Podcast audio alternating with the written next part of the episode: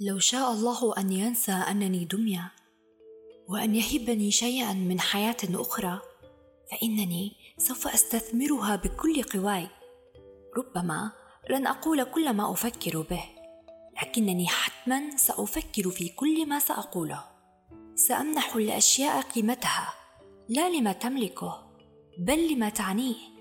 سأنام قليلا واحلم كثيرا مدركا أن كل لحظة نغلق فيها أعيننا تعني خسارة ستين ثانية من النور. سوف أسير فيما يتوقف الآخرون وسأصحو فيما الكل نيام. لو شاء ربي أن يهبني حياة أخرى فسأرتدي ملابس بسيطة وأستلقي على الأرض. ليس فقط عاري الجسد وإنما عاري الروح أيضاً. سأبرهن للناس كم يخطئون عندما يعتقدون أنهم لن يكونوا عشاقا متى شاخوا دون أن يدركوا أنهم يشيخون إذا توقفوا عن العشق. للطفل سوف أعطي الأجنحة لكنني سأدعه يتعلم التحليق وحده. وللكهول سأعلمهم أن الموت لا يأتي مع الشيخوخة بل بفعل النسيان. لقد تعلمت منكم الكثير أيها البشر. تعلمت أن الجميع يريد العيش في قمة الجبل غير مدركين أن سر السعادة تكمن في تسلقه.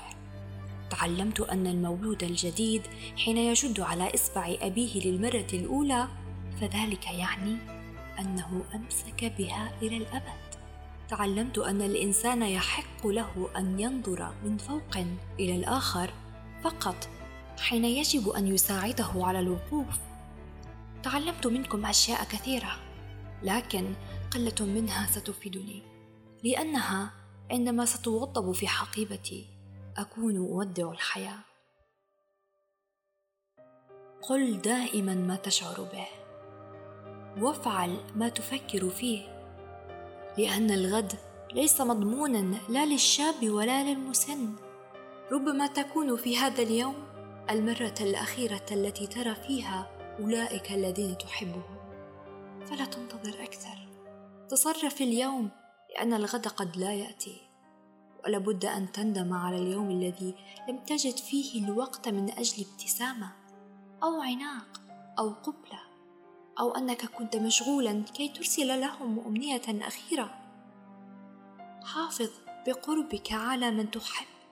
اهمس في أذنهم أنك بحاجة إليهم أحببهم وأعتني بهم وخذ ما يكفي من الوقت لتقول لهم عبارات مثل أفهمك سامحني من فضلك شكرا وكل كلمات الحب التي تعرفها.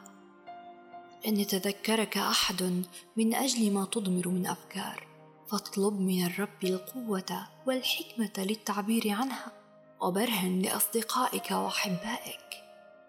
كم هم مهمون لديك؟